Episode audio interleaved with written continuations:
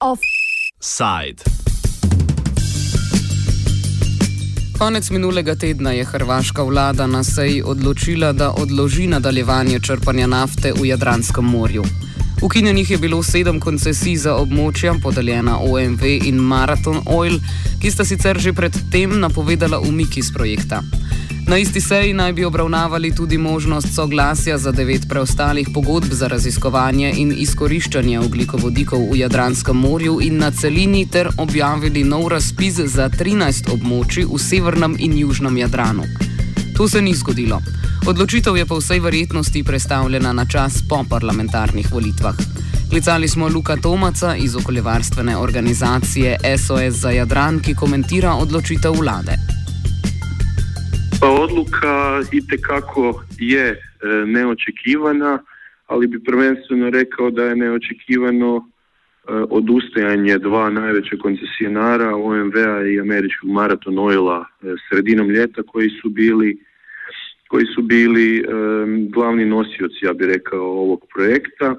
Ovo što je slijedilo prošli tjedan bi rekao da je više manje bilo očekivano pošto je to bilo samo službeno ukidanje koncesija, sedam koncesija na, za sedam polja u sjevernom i južnom Jadranu, a i očekivano je bilo očekivati da će vlada i ministar, e, e, znači premijer Milanović i ministar Verdoljak e, prepoznati pritisak javnosti i veliko protivljenje ovom projektu i izvesti neki zaključak da im nije zgodno srljati Um, u ovaj projekt eh, prije, prije samih izbora.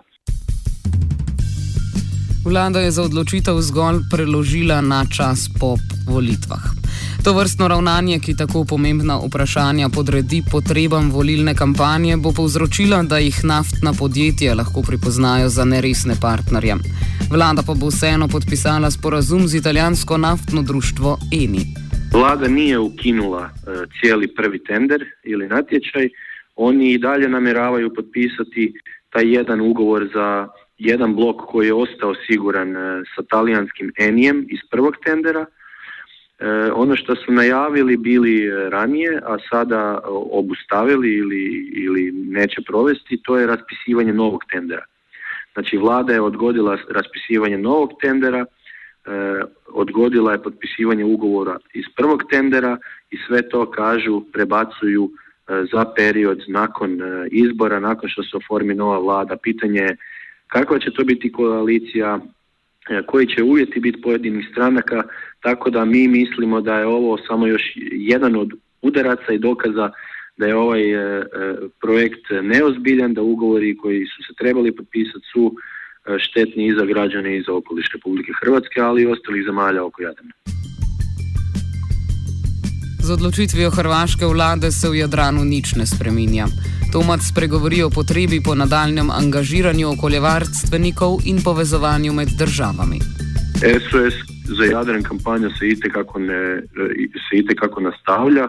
Znači, mi smo rekli i u našim izjavama govorimo da je ovo samo jedna od pobjeda, isto kao što smo rekli dok su odustali koncesionari. Vlada je najavila nastavak projekta, nakon što se oformi znači iduća vlada, naravno tu se treba uzeti sa zadrškom pitanje kako će proći izbori, koliko će ova neozbiljnost vlade e, e, u ovom projektu ostaviti traga na preostale koncesionare, ali mi ćemo itekako nastaviti svoje aktivnosti i u Hrvatskoj, ali i povezivati se i dalje sa partnerima u drugim zemljama oko Jadranskog mora, u Italiji, Crnoj Gori, gdje su itekako aktivne kampanje protiv bušenja Jadrana. Offside je pripravil Matija Jan.